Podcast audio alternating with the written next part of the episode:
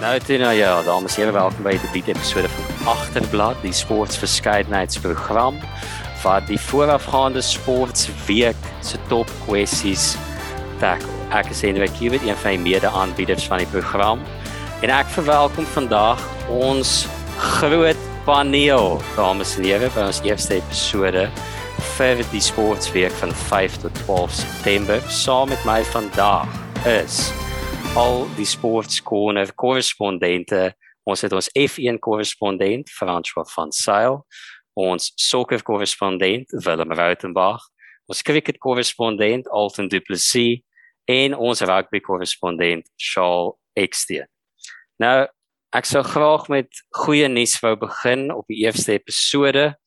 Ongelukkig van die blad af is die top nuus vir vandag angs in Australië 'n bokskok, 'n nederlaag vir ons almal. Suid-Afrika 26, Australië 28. Quade Cooper in sy eerste wedstryd terug in 4 jaar sink die bokke met 'n laaste sekonde strafskop. So, dit was 'n taai wedstryd. Klomp besluite wat gedebatteer kan word. Shaal, ons begin by jou. Eerste gedagtes rondom die wedstryd. Wat het jy gemaak vir vandag se game? Wel, ek weet nie wat ek gemaak het van die game. Ek weet net die game het van my naweek 'n hele plunder gemaak. Ek uh, is beslis op die agtervoet met hierdie game. Ek uh, ek moet sê ek het ek het voor die tyd vir my pelle gesê daar's niks wat vir Australië gaan nie. Ek kyk na hulle line-up en ek ken net een ou want ek het met hom op PlayStation game gespeel jare terug. Ek weet nie ek weet nie dit was net vir my so dit was dit was 'n skok geweest om eerlik te wees en nog meer skok skokkend beslissings waarby ons later sal kom maar nee ek moet sê ek is ek is swaar ek is swaar na na hierdie verloor. So Willem wat het jy gedink het verkeerd gegaan vir ons vandag? Okay so ek dink daar's daar's 'n groot deel van Suid-Afrika wat in absolute paniek is oor oor wat gebeur het. En ek dink ons moet net 'n bietjie perspektief hou. Ek dink die manne is nou vir baie lank in kwarantyne. Hulle speel in Australië. Ons het 'n baie baie swak rekord in Australië. Ons het uit die 28 wedstryde wat ons al gespeel het nog net 4 gewen. Ons het in 2013 laas in Australië gewen. So ek dink almal moet net net 'n bietjie tree terugneem. En ek dink ook daar's twee redes hoekom mense 'n wedstryd verloor. Jy kan eerstens as jy die verkeerde plan het en tweedens as jy dit verkeerd uitvoer. Nou ek dink ons hoef nie te paniekbevange te wees nie want ek dink ons het die regte plan gehad. Ons weet die bokplan werk. Ons het nou net 'n reeks teen die Britse en Ierse leeu's gewen. Ons het dit net nie reg uitgevoer vandag nie. Ons plan is ons speel van set plays af. Ons kry strafskoppe, ons sit dit in hulle helfte, ons kry 3 punte. Ons maak goeie gebruik van al ons geleenthede en ons bou telbord druk. Vandag het dit net nie gebeur nie. Ons het misgeskop. So ek dink ons moet net ons moet net perspektief hou. Ek dink dit was net 'n swak uitvoer van 'n van die regte plan. Dit dit sou my my opsomming wees. Halte. Ja, ek ek wil daarop inspring. Ek dink ehm um, iets wat ons definitief ook ook gerattel het is ehm um, die Australiese kit daarin wat ons volkslied so verinneweer het daar in die begin. Ehm um, ek dink dit is definitief daai tipiese Australiese sielkundige edge wat hulle probeer kry het. Ehm um, maar in in realiteit ek moet saamstem met Willem. Ehm um, ek dink ons het nie nie naaste by een van ons beste wedstryde vandag gehad nie. Ehm um, en al word dit geregistreer as 'n tuiswedstryd volgens die rugby championship was dit regtig die die atmosfeer in Australië jy kon sien die, die skare so in Engels sê they were up for it um en en mense kon sien van ons ouens was so 'n bietjie um sielkundig of bietjie geruk ook um maar ek ek dink volgende week sal definitief beter gaan um net weer of in die in die momentum kom um en soos wat hulle gewoond raak aan die Australiese manier van speel ook. Um dit was definitief 'n groot terugslag vir ons. Uh, maar ek dink nie dit is 'n uh, so fatale nederlaag nie. Um, ek ek dink ek kan definitief sien dat ons behoorlik uh, terug gaan spring na dit. Ja, kyk ek ek dink jy weet om eintlik terug te kom op hierdie punt van die swak uitvoer van ons van ons spel. As jy net na 'n paar van die van die sleutelstatistieke gaan kyk, ons het 120 tackles gemaak en 21 daarvan gemis. Dit is 17.5% van ons tackles. Dit is glad nie hoe die bokke hulle game speel nie. Australië het 83 gemaak en net 4 gemis. So ek dink dit is ook 'n geval van ons sleutelspelers het net op die verkeerde tyd die verkeerde ding gedoen. Ek dink in 'n Lucanio Am wat die bal vas vasgehou het oor die doellyn en net nie bietjie links geduik het nie. Ehm um, ek dink in Quite Cooper wat 8 uit 8 geskop het in sy eerste toets in 4 jaar. Dit is net vir my dit voel vir my asof aan beide kante van die spektrum het ons sleutelspelers soos Pollard net 'n uh, regte afdag gehad. En en die feit dat ons met 'n afdag nog steeds eintlik moes gewen het. Jy weet, want ek wil graag terugkom na die een van die uh skeieregters se vreemde besluite, daai tweede laaste skram wat ek regtig voel 'n strafskop vir ons was. Ons behoort eintlik die game te kan uitsien met 10 sekondes oor op die klok en 'n skram met ons ingooi. So jy weet ek ek wil graag ook eintlik hoor wat wat Shaal dink oor oor van die sleutelspelers want ek weet hy's altyd die man wat ons jy weet ons uh, spelers uh, se ratings vir ons gee in 'n game. Ek weet nie of hy dalk ons Shaal weet nie of hy dalk interessante take het op uh, op wie ons jy weet goeie spelers en swak spelers was nie. Ja, ag daar het 'n paar ouens uitgestaan soos gewoonlik ongelukkig aan die verkeerde kant van hoe hulle moes uitstaan. Uh ek kyk ek het gekyk veral na ou soos Eben Etzebeth hy is nogal 'n hy sal 'n staat maak vir die Springbokke vir weet jy hoe lank hier dat hy afgame het is is absurd. Hy het net swak gespeel. Hy was baie keer aan die verkeerde kant van die rak gewees, verkeerde kant van die bal gekom. Hy het net nou na 'n tree agter die Australiese pak gelyk. Ek dink ook byvoorbeeld aan 'n ou soos Diamond die Allende wat wat baie forceer was om om die buitenste lyn te vat op senter en nie binne toe gehardloop het nie en homself bietjie geïsoleer het. Ek dink ook aan soos jy gesê het, Lucanio aan en net armou Willie Leroux. Daai ou, hy kan hoe goed speel vir vir 10 games, nê. Nee. Laat hy net een game dan verloor ek alle vertroue in in nou Willie, maar ek ek ek moet sê ek is optimisties, maar verder ook ons stitte. Dit is die, dit is seker die grootste verbasing vir my gewees vandag dat ons ons pak wat ons het die beste die beste twee pakke in wêreld rugby, die beste vier stitte en die beste twee hakkers.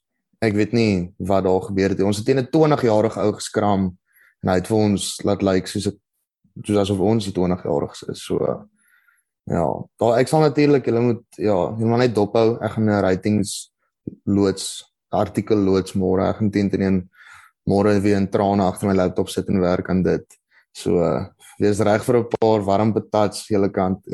ek ek, ek dink wat vir my ook interessant was of wat eintlik bekommerniswaardig is is ek dink die wedstryd het gewys hoe afhanklik die Springbokke is van Andre Pollard. Ehm um, hy was vir so lank so goed en hy was vandag nie katastrofies sleg geweest nie, maar daar was 'n paar foute wat onnodig was en dan sy skopwerk was natuurlik nie fantasties nie. Ehm um, en ek ek, ek dink ons is half geflous met die Springbokke se gebrek aan diepte op loskakel deur die feit dat Andre Pollard so lank goed was. Um, want ek's nie seker indien Andre Pollard sou seer kry dat daar 'n natuurlike plaasvervanger vir hom is nie. Alton Jantjies probeer so af en toe, maar uh, hy het nog nie vir die Springbokke 'n fantastiese wedstryd gehad nie. Hy speel goed vir die Lions.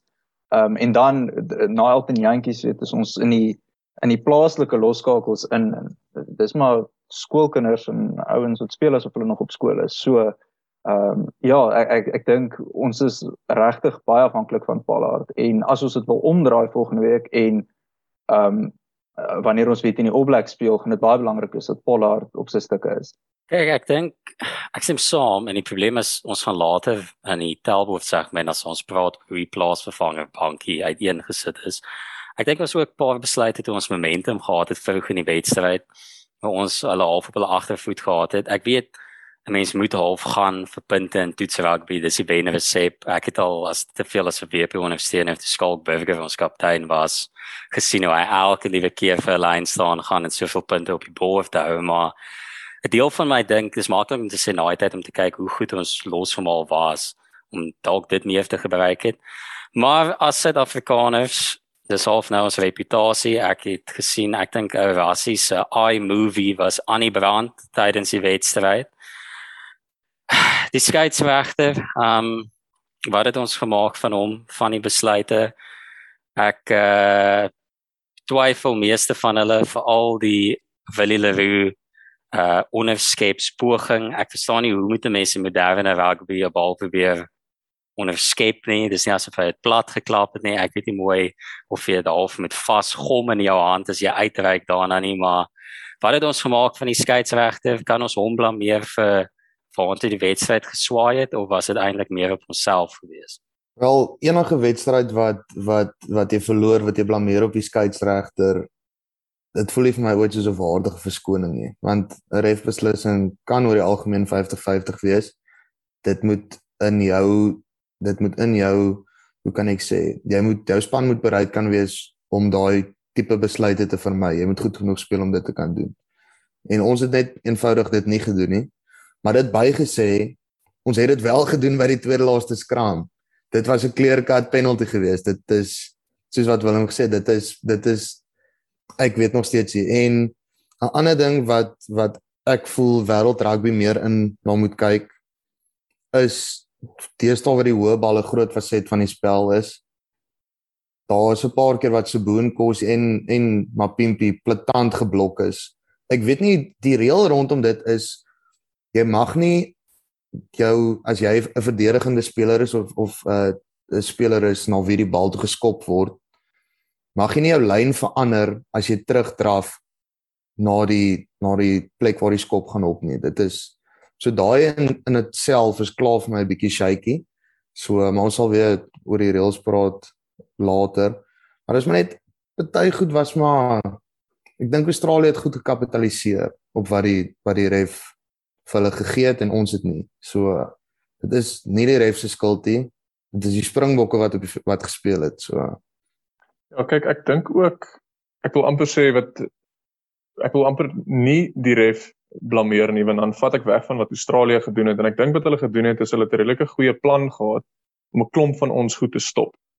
Uh as jy byvoorbeeld gaan kyk na hoe hulle hulle lynstaande bestuur het, jy weet hulle sou gaan spring lyk like of hulle 'n mol gaan set en dan vinnig net agterom speel en ons hele verdedigingspatroon gaan basies daarom dat ons wil hê hulle moet teen ons pas speel. Ons wil hulle versmoor en ons wil vinnig uh jy weet vinnig die bal basies naby die losmaal dat ons voorspelers ook nie te wyd hoef te hardloop nie dan jy weet hou jy die manne bietjie bietjie varser vir die vir die res van die game. Ek het wel van die ref se kommunikasie gehou. Ek dink dit was vir my verfrissend om te hoor hoe hy kommunikeer met die spelers, hoe hy kommunikeer met die TV skeieregter. Ek dink hy uit die wedstryd baie goed beheer. Die spelers wat natuurlik baie jy weet gretig en passievol is, ek dink hy het dit baie goed gedoen.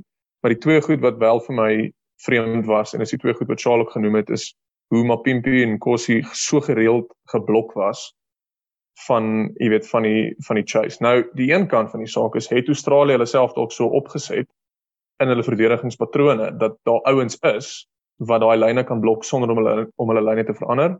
Dit weet ek nie. Ek sal weer moet gaan kyk na die wedstryd en dan net daai laaste skam. Ek kan dit nie verstaan nie. Ons het vorentoe gegaan. Verstaan nie ouens het opgekom, maar 99 keer kry die span wat vorentoe gaan wie se bal dit is die strafskop daar.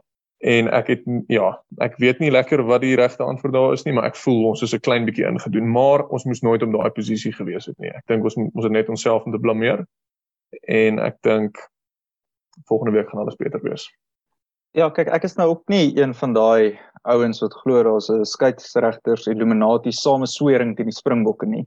Ehm um, maar dit dit gesê ek dink uh Luke Pierce vandag was op 'n paar tegniese goedjies nie heeltemal reg nie. Um ek het tydens die wedstryd dadelik opgemerk met die een rolmaal beweging wat deur die slot van Australië plat getrek is waar hy die geel kaart gekry het waar Luke Pierce gevra het vir die TV skeieregter um of dit 'n 'n 'n penalty try moet wees en hy het gevra of, of of sy redenasie was hy kon nie sê dit gaan 'n 'n goal on a definite try wees nie.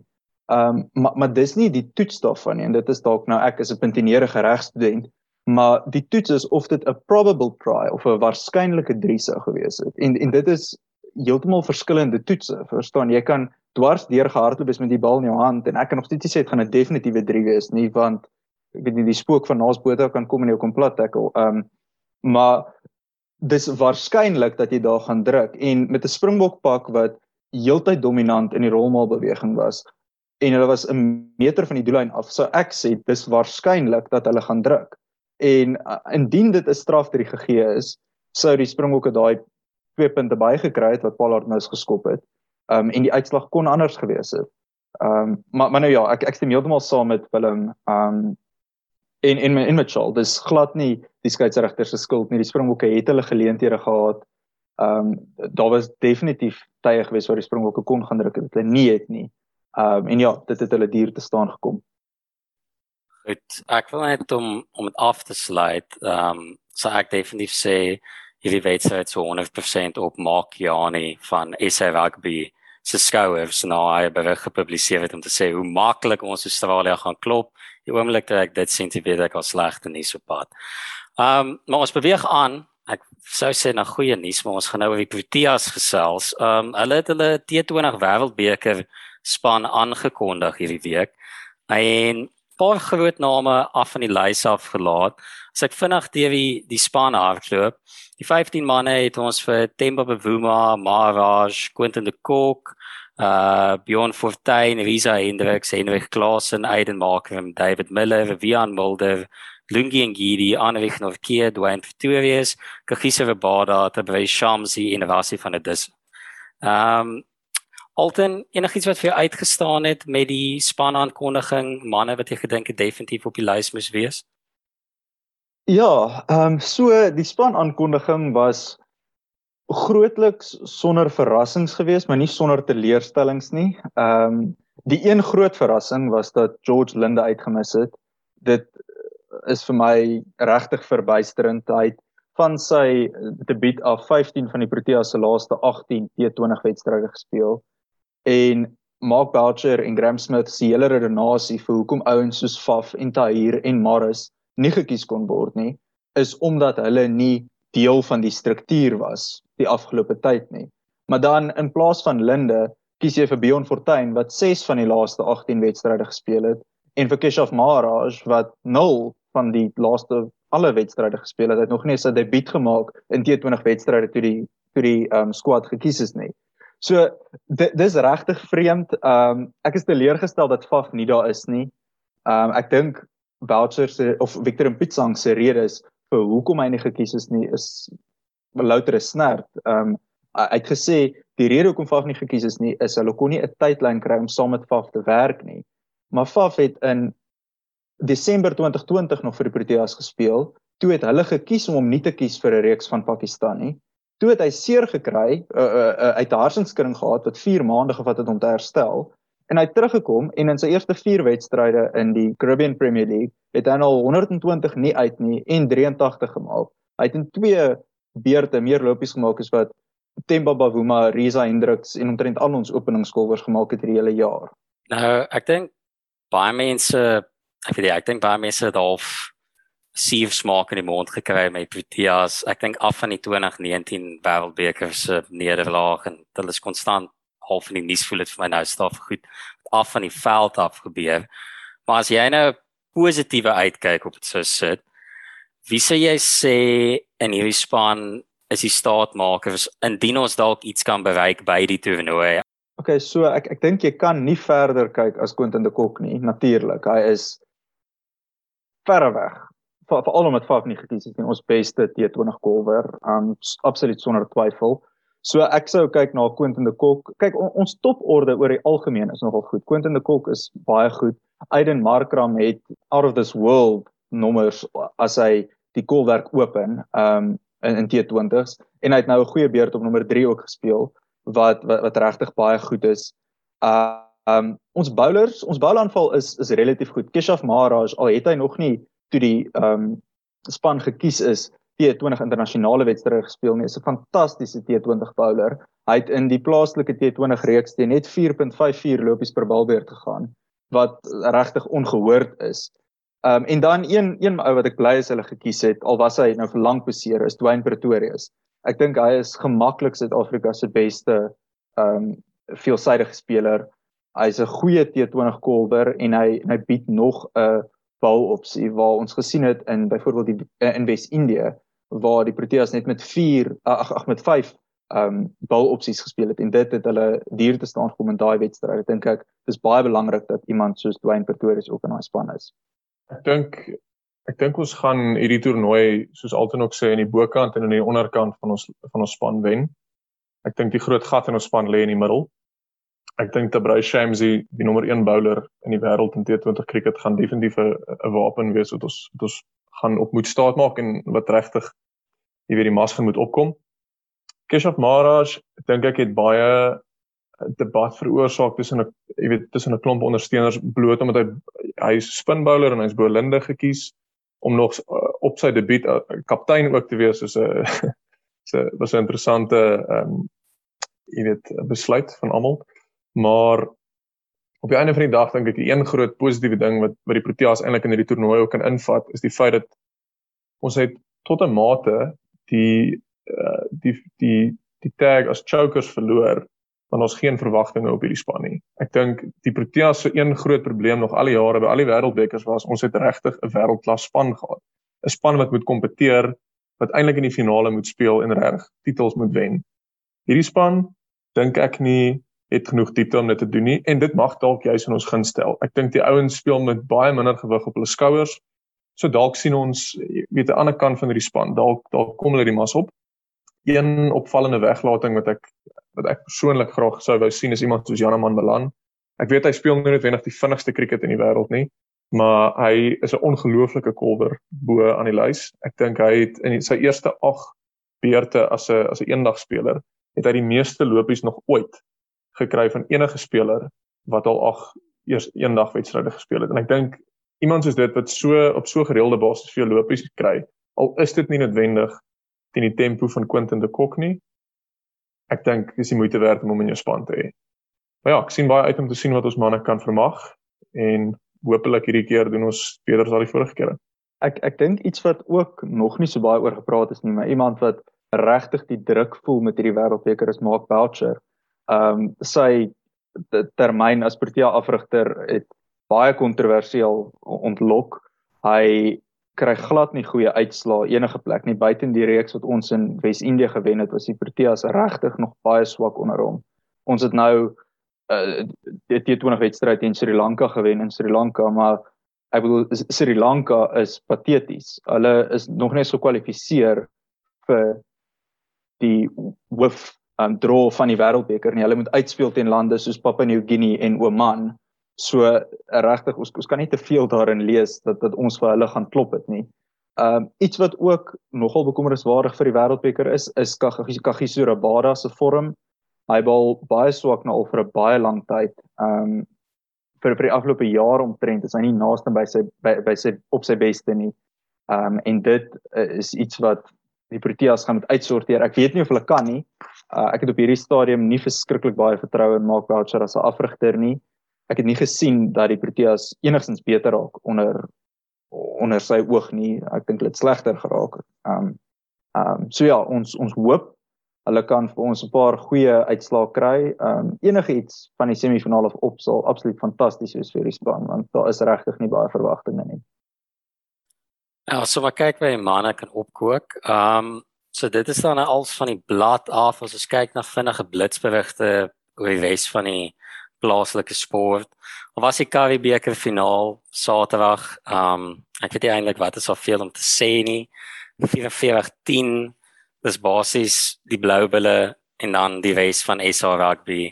Ek wil hulle elke liewe ou springbok kom terug. Dis basies is uh, ABBA die Ini tour wat plaasvind op Loftus. Ek sien Bismarck is op pad. Ons het vir Moras So uh, ek weet nie in 'n Europese kompetisie wat voor lê, um, dink ek is maar eintlik net die bulle wat uit staan. So uh, ons kom dan nou by volgende segment die losgemaal. Dis meer ons debat afdeling van die program waar ons die grootste geskilpunte in sport die week uh aanvat en ons nêrens anders as om te begin in Italië nie. Uh ons neem hierdie op op Sondag, so ons is vars af van die einde van die die Monza Grand Prix.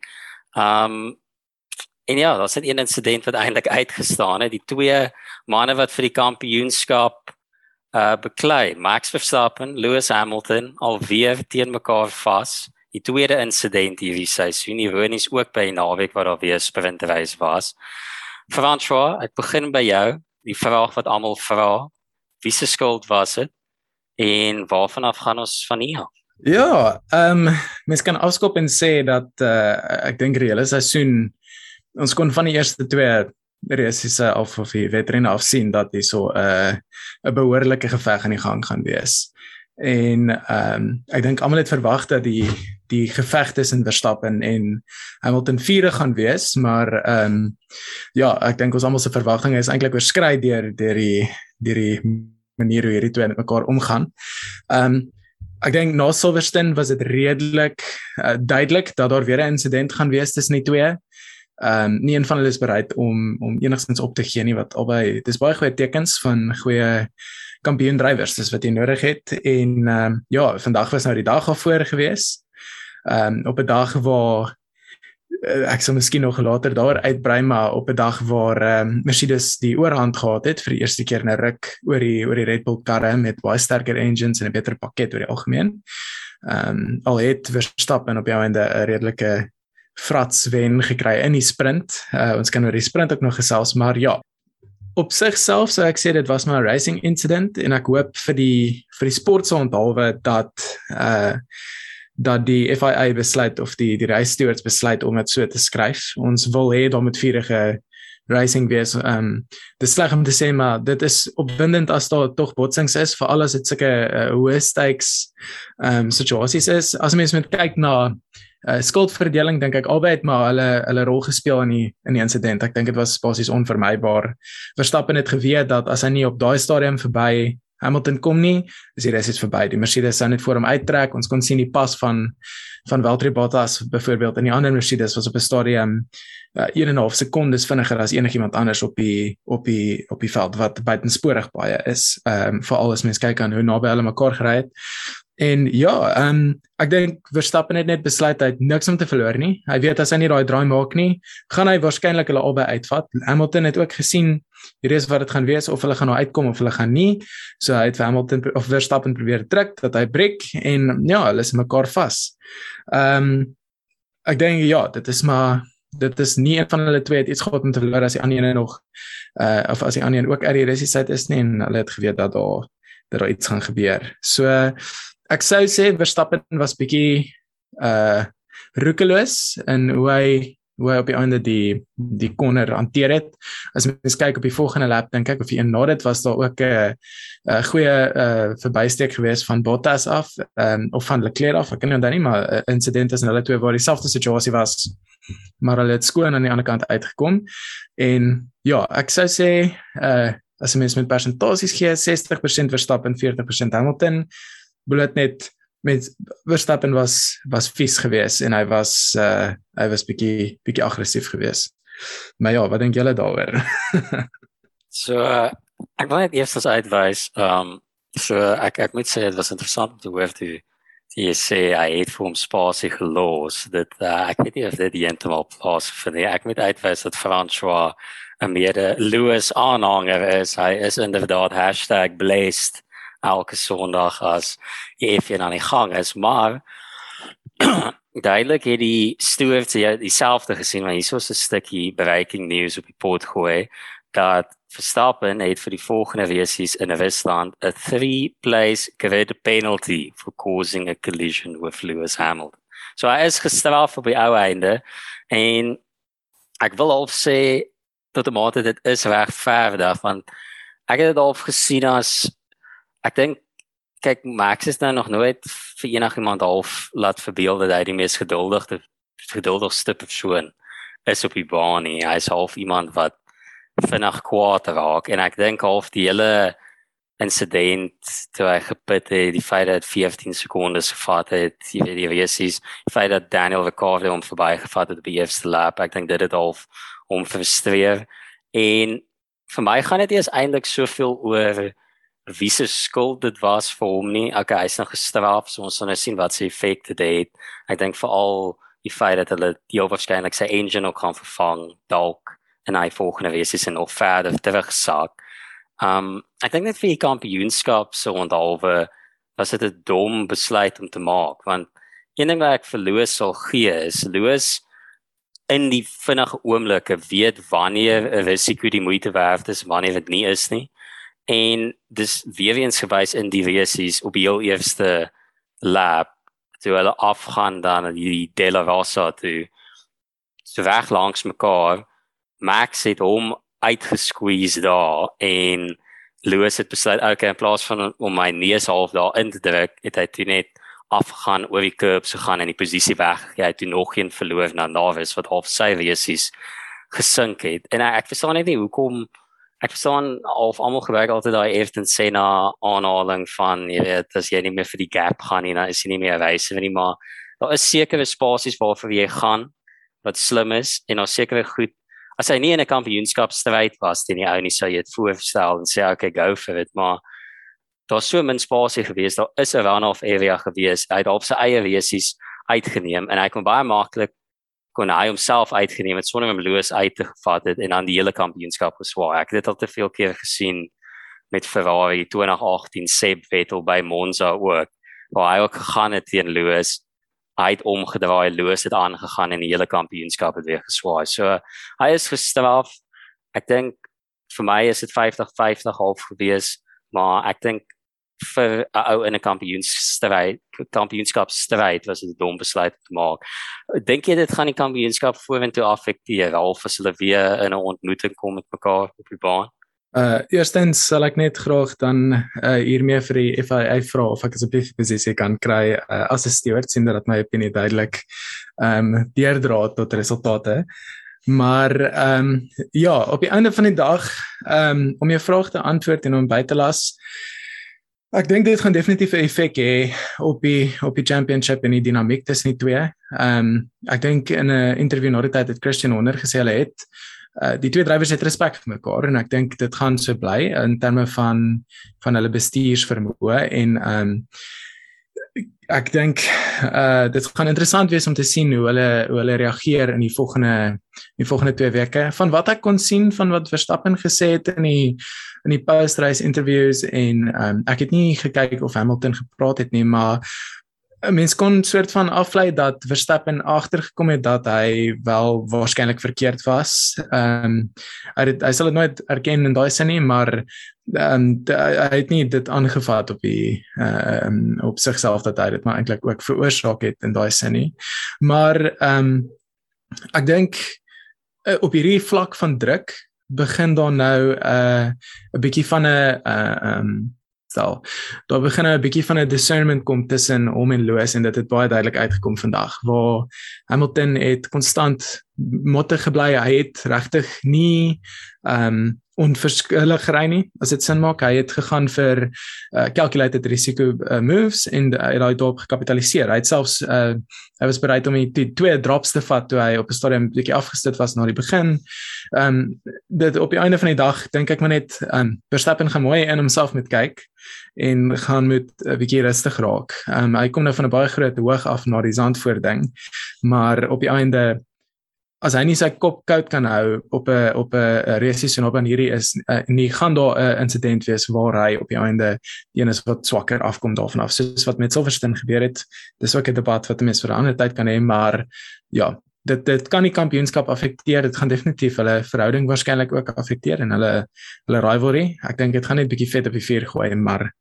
ja ehm um, dis maar die aanmoediging wat ek vir hom kan gee as hy luister na ons Afrikaanse podcast Kijk, ik denk hij zal allemaal afluisteren, maar elke keer als ik zijn Nederlandse en luister, dan denk ik heel tijd, yes, wat, wat in die man niet met die SAIK hier aan die boord bij F1, dan kom ik achteruit neer, is die, is die Zigo mannen wat om dit uit bij. Nee, ik denk, mag ik, ik denk, als we net naar je wees is in het algemeen, kijk, buiten hulle twee, um, of net op de ding, ik denk, een net effect voor hem, uh, twee punten bijlas op zijn voorskot Lewis op 'n baan wat Mercedes nog die hele tyd domineer die laaste paar jare vir hom so goeie wesies.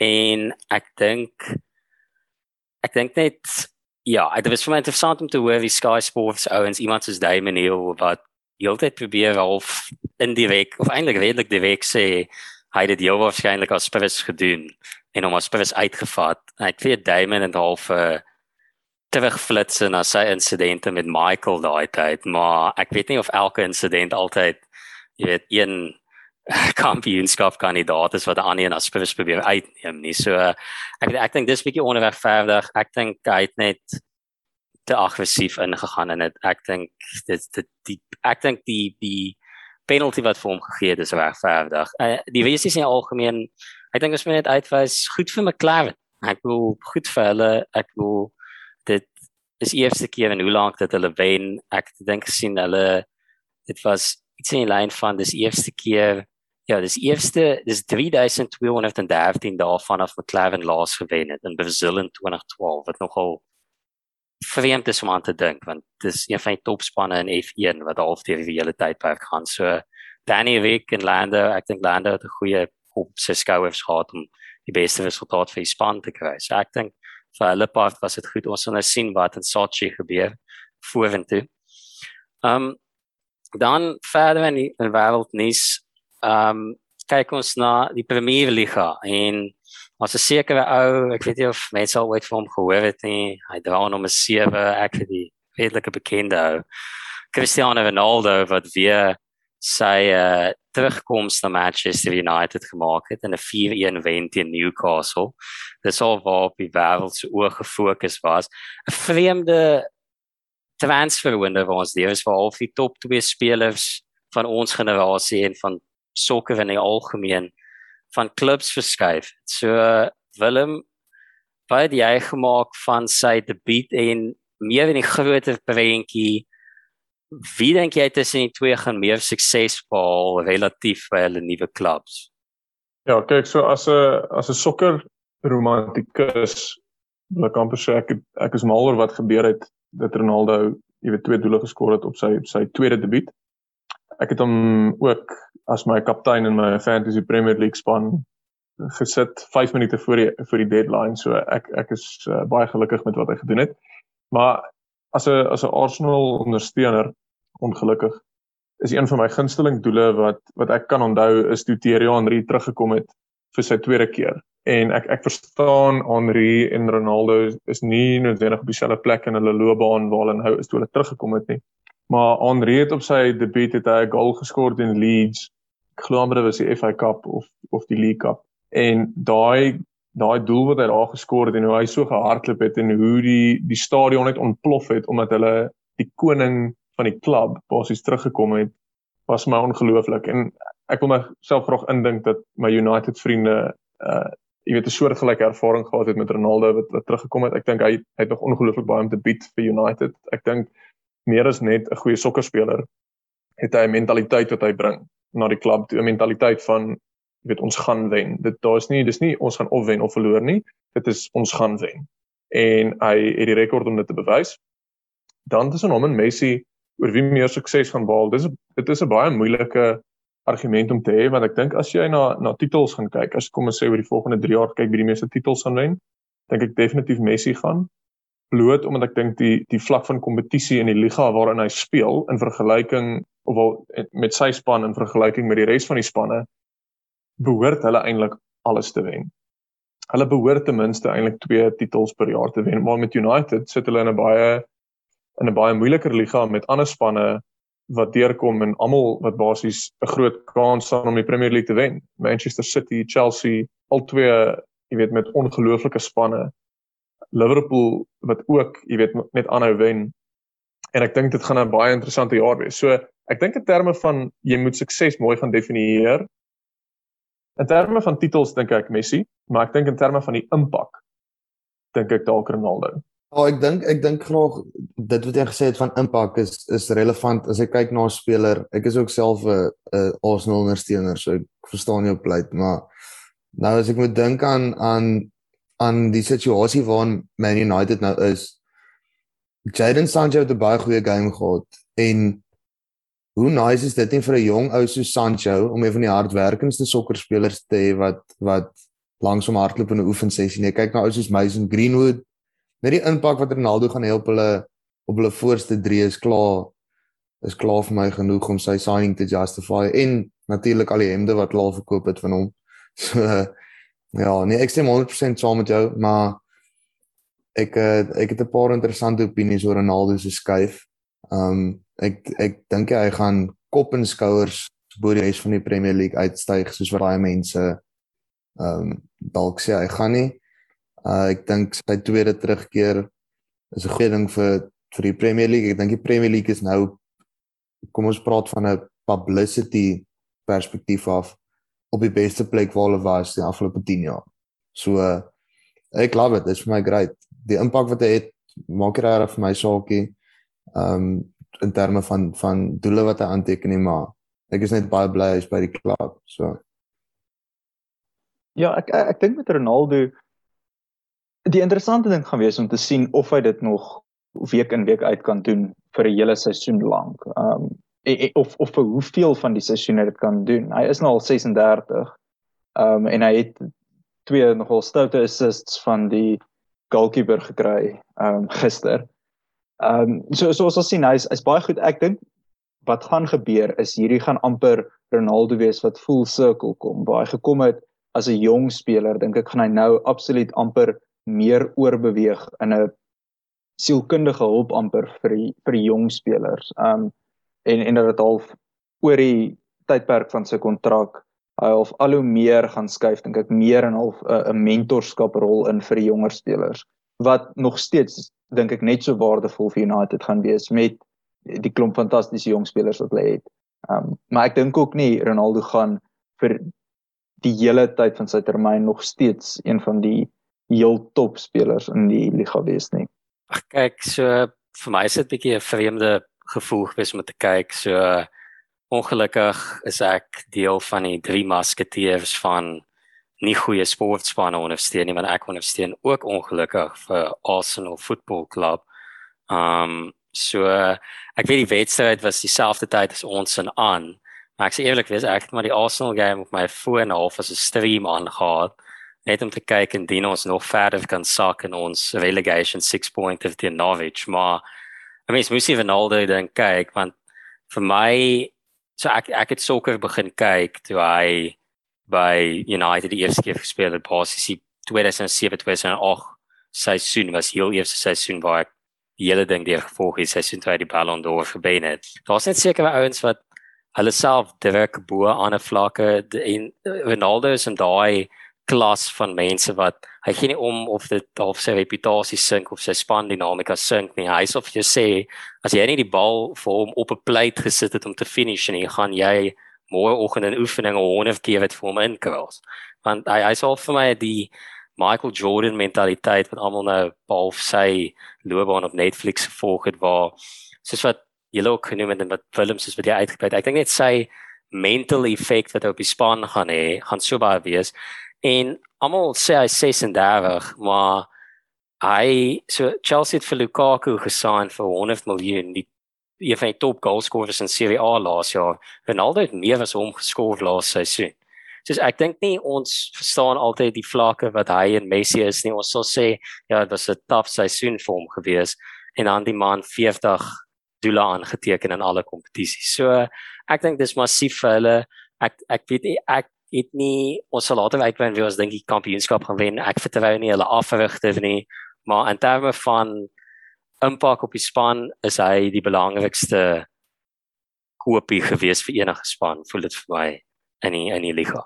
Ja, ek dink net net om so op die gesprek af te sluit op 'n bietjie meer humoristiese punt. As jy nou regtig 'n bietjie wil lag, gaan Google 'n 'n foto van Wayne Rooney hoe hy op hierdie oomblik lyk en waar hy in sy loopbaan is lekker hy lyk al amper grys, jy weet, bietjie meer geset.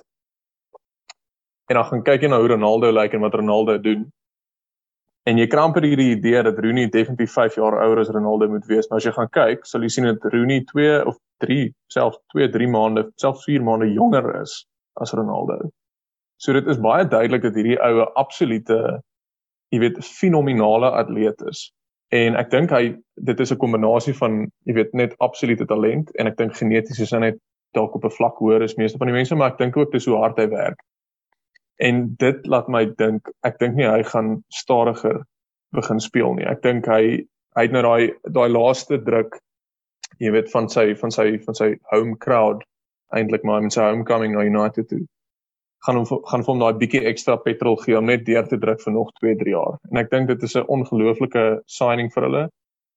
Dit het so verkeerd gevoel dat hy amper na Manchester City toe gegaan het alhoewel ek my bedenkinge het of dit regtig sou gebeur het. Ek dink dit was 'n jy weet dit was 'n agent wat so 'n bietjie United se so aan forceer dit en ek dink hulle uitgeweet United sal nooit toelaat dat wat met Tevez gebeur het dat dit dat dit weer gebeur nie veral nie met met Ronaldo nie.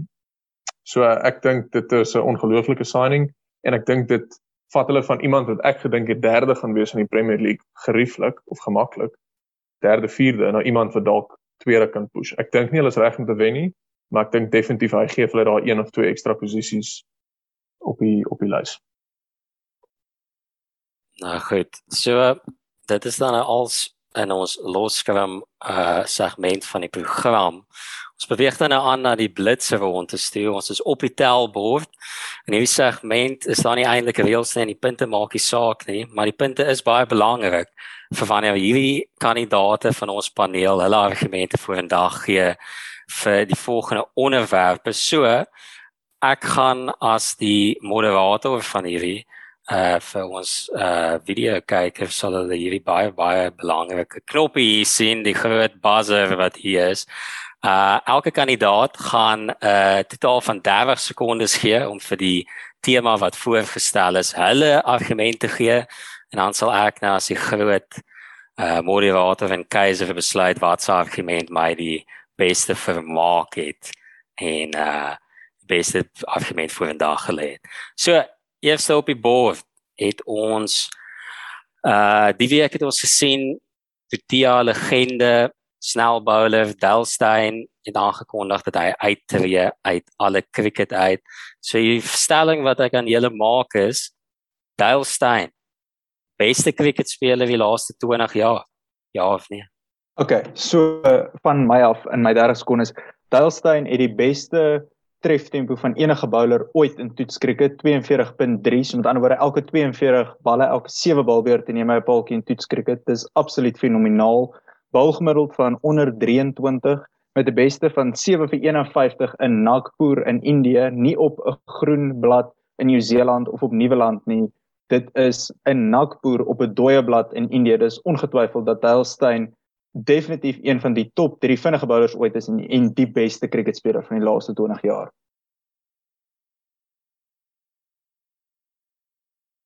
net betyds. So enigiemand wat vir Alton wil uitdaag daar op 'n ander punt, 'n ander kandidaat voor vandag wil bring. Philip, ek sal graag ek sal graag vir Herschel Gibbs uh, na vore wil bring. Uh, uh, bloot omdat hy 175 geslaan het in Australië in 2006 om die die 435 of die 438 wedstryd soos soos dit bekend staan vir Suid-Afrika te wen en dit alles met 'n babbelas. Ek hoef nie meer te sê nie, ek dink my argument staan vir homself sterk genoeg. Kyk, so feite sou sê alternate met voorbereide stats voor vandag gekom. Hy's 'n cricket boff en die man ken enigiets van cricket af. Maar yes, daai full free uitgame was nogal wild. So ek het vir Willem met gee ons boy Herschel. Ek sê vir Willem die punte daar met gee. So okay, aan die volgende een. So ons is 4 weke in na die Premier Liga seisoen. Paar spanne wat uitstaan. Wie is julle kampioen wanneer ons teen die einde van Mei staan in 2022? Sjoe, ons begin by jou.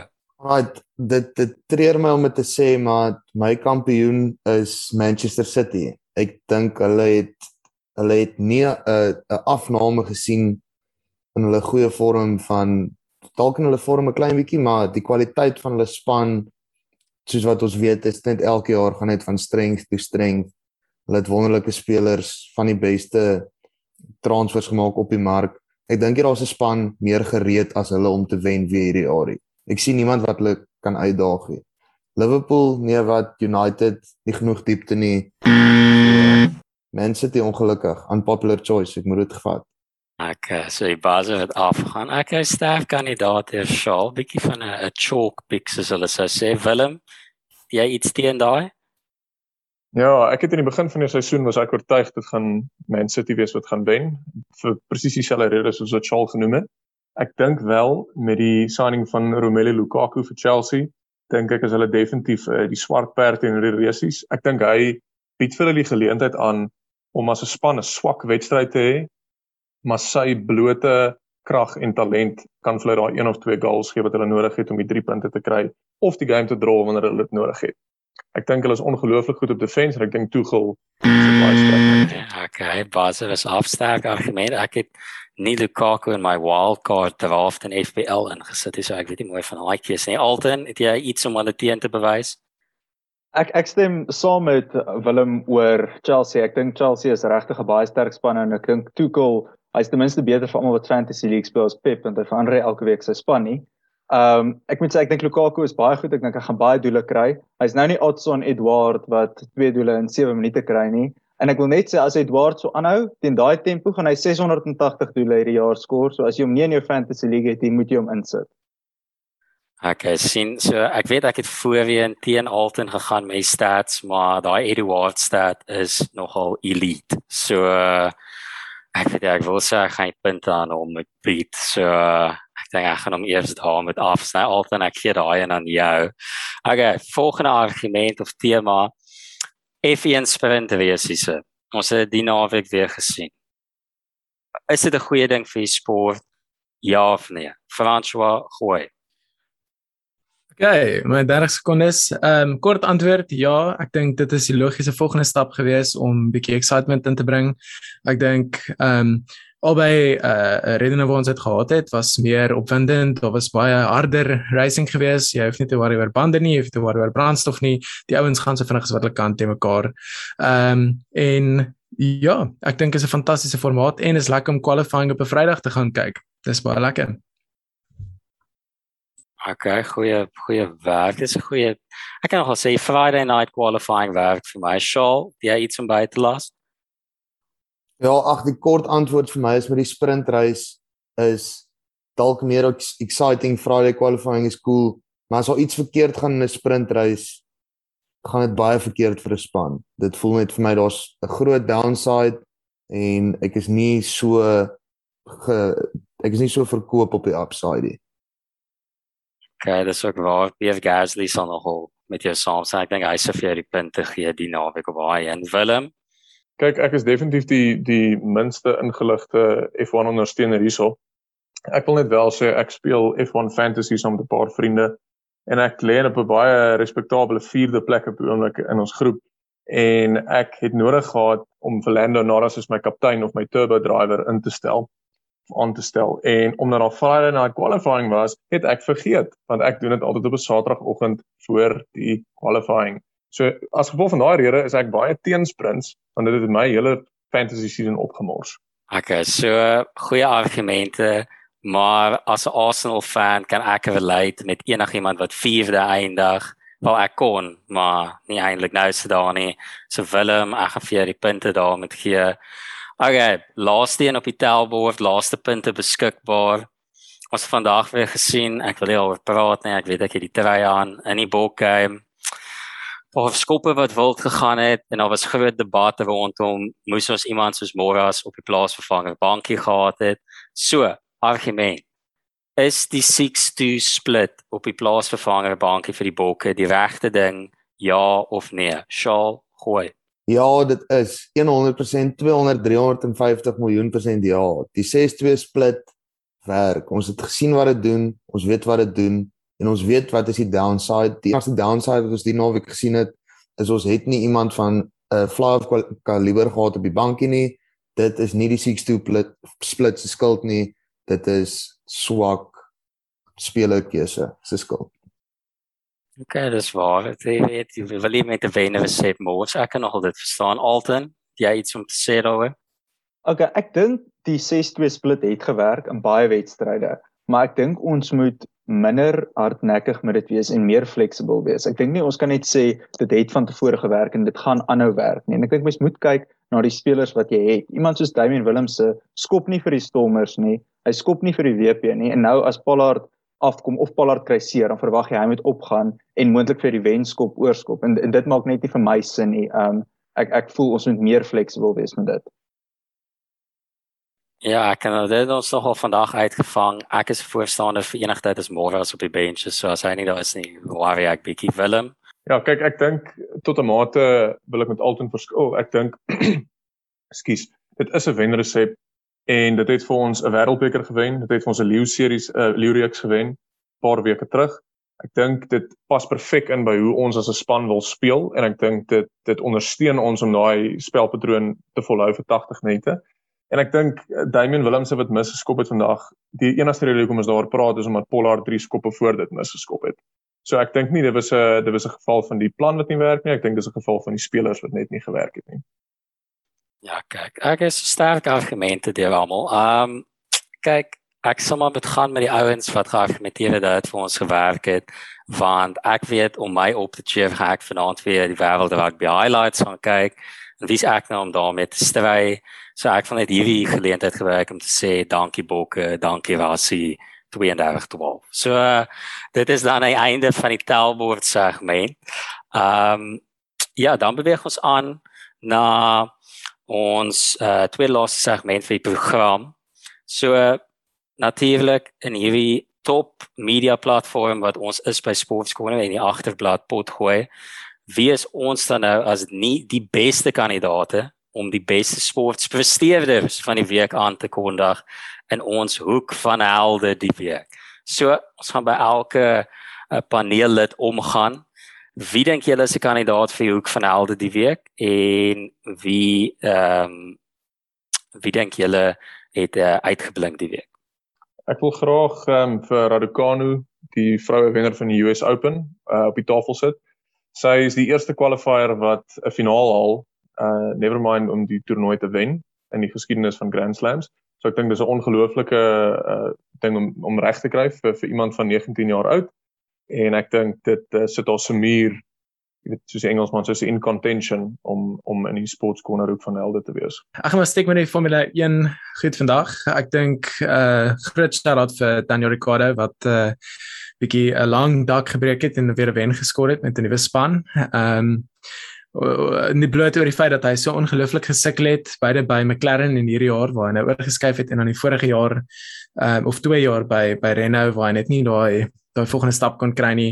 Hy het van begin tot einde hierdie naweek gewys waarvan hy gemaak is en uh hy het self net gesê uh almal het gesê hy's terug en hy het net gesê ek was nooit weg nie. So ek dink dis 'n goeie stap in die regte rigting. McLaren is almal se gunsteling gewees deur al die jare toe hulle nou nog die wit en oranje karre gehad het regdeur tot nou toe. Ek dink dan Ricardo vat die koek vir my. Maar ek sal 'n shout-out gee vir Valtteri Bottas wat van 20ste tot 3de deurgery het in hierdie uh, wedren. Alton uh my hoek van helde uh, nominee sou wees Patrick Vieira wat weer eens vir Tottenham gewen het. Um en ek dink dit is iets waar Crystal Palace aanhangers en Arsenal aanhangers beide bly sou wees. Shaal. Right, so my ek weet ek mag dalk vriende verloor as ek hierdie sê, maar my groot held van die week is Quite Cooper. Hy uh hy het ongelukkig sal ek het, ek moet insit na 4 jaar uit die game uit kom sink hy die bokke met 'n met 'n rekord vandag. Ek dink hy die uit die lyn goed gemarshal. Dit dit dis vir my goed om te hoor dat dat dat Australië ook nie bang is om terug te keer na die ou helde nie. Ek sien is deesdae fashion onder die bulle en die bokke en nou sonder het daai trend verskuif na onder die onder toe. So ek is bly om te sien Quiet is so 'n game. Hy is nog al die jare vir my baie polarizing speler en ek dink dit gaan net vir my meer lus maak om 'n Australiese rugby game te kyk. So ek moet sê hy sê al vandag gewees. Ja, kyk, ek wil net vinnig baie net sê ek wil net vir Shaal um, bedank vir sy bydrae aan die agterblad potgooi. Die week is sy laaste episode na daai kandidaat. Um, enigiets teen die bokke sal nie verdra word op hierdie potgooi nie, maar nee, ek grap.